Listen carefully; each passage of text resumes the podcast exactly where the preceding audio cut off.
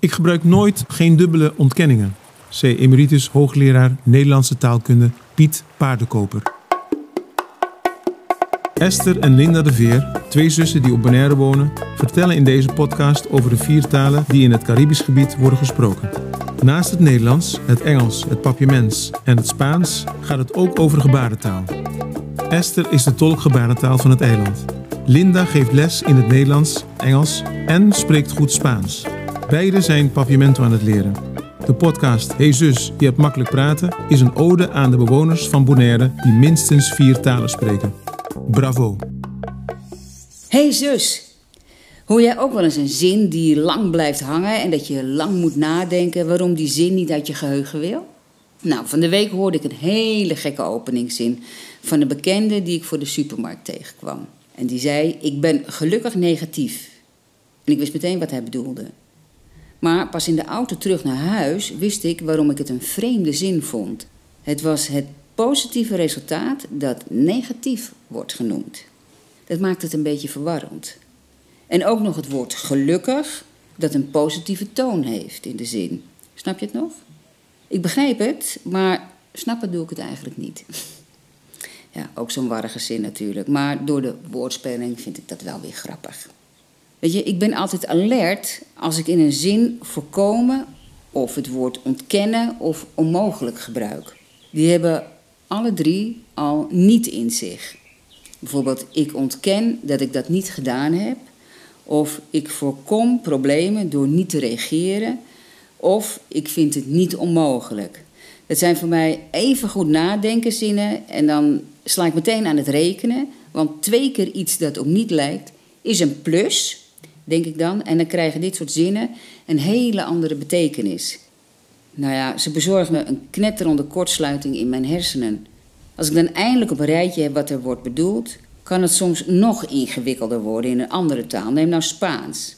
In die taal is het doodnormaal om twee keer een ontkenning in een zin te gebruiken, om meer nadruk te leggen op niet.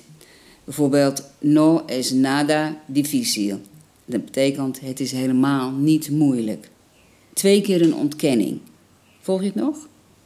Ik ben nu overgestapt naar de strategie om zo min mogelijk niet in gesprekken te gebruiken, om mijn eigen verwarring te onderdrukken.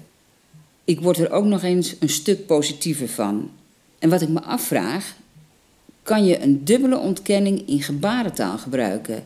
En is het dan positief of is het dan negatief? hey zus, dat heb ik nou ook. Ik hoorde van mijn taaljuf dat het ook in papiaments prima is om een dubbele ontkenning in de zin te hebben. Waar wij dat in het Nederlands absoluut niet mogen, grammaticaal gezien dan. Hè? Dus deze zin, aquí no tinganga no, er is geen aanbieding hier. Of un sonrisa no te costa nada, een glimlach kost niets. Die zinnen kom ik wel tegen.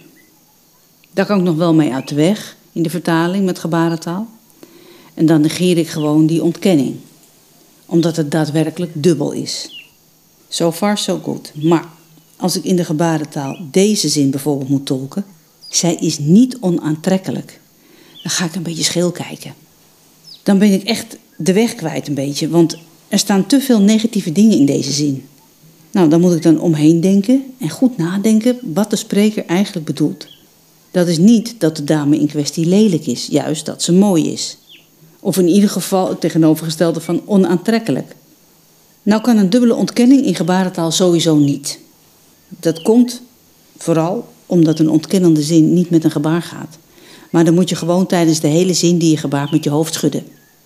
Dus niet alleen maar bij het woordje wat ontkennend is, maar echt de hele zin lang. Ik heb hier hilarische tafereelen bij meegemaakt toen ik in de eerste klas van mijn tolkenopleiding zat. We moesten dit lange schudden echt zo snel mogelijk ons eigen maken in de gebarentaal. Want je bent het niet gewend om zo overdreven te schudden met je hoofd. Dus om duidelijk te krijgen dat iets niet waar was, bleef je schudden totdat je misselijk van werd. En we mochten niet praten in de klas, alleen gebaren. Dus als je het vergat, zat gelijk de hele klas te schudden naar je. Dat was niet echt motiverend, kan ik je zeggen. En andersom, bij ja, was precies hetzelfde aan de hand.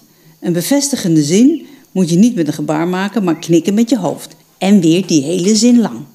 Dus je raakte dan ook weer van je padje af als de hele klas aan het knikken was. Dat leek dan op een soort bemoedigend meeleven. En ik dacht, nou, ik ga lekker, ik doe het prima. Terwijl ze allemaal heel hard probeerden te laten zien dat ik moest blijven knikken. Kan je je voorstellen dat een dubbele ontkenning in een zin niet te doen is in de vertaling? Gaat niet. Dus wij tolken leren dan om de betekenis van de zin razendsnel eruit te halen. En meestal gebruik je dan de tegenstelling. Bijvoorbeeld, het licht is niet aan. Dat gebaar ik dan als het licht is uit. Maar als ik de zin even terugpak van zij is niet onaantrekkelijk, zit er toch wel een nuanceverschil in. Ik zou dat niet snel tolken naar zij is mooi. Want de spreker bedoelt het misschien wel met een knipoog. Of een beetje schoorvoetend, maar zeker niet een volmondig mooi. Het lijkt soms echt een beetje op een cryptogram in mijn hoofd. Maar ik klaag niet hoor. Het is toch heerlijk om te puzzelen met al die talen, hè? Over het woordje hoor gesproken. Is daar een equivalent in de andere talen voor, dat jij weet? Bedankt voor het luisteren. Luister ook naar de andere afleveringen van Hey Zus. Stefan Tromp, bedankt voor de muziek. Alfred Borgos, bedankt voor de aankondiging. Podcast Tabon, bedankt voor de productie. En vond je het hoopje leuk? Geef ons dan een like. Hajo!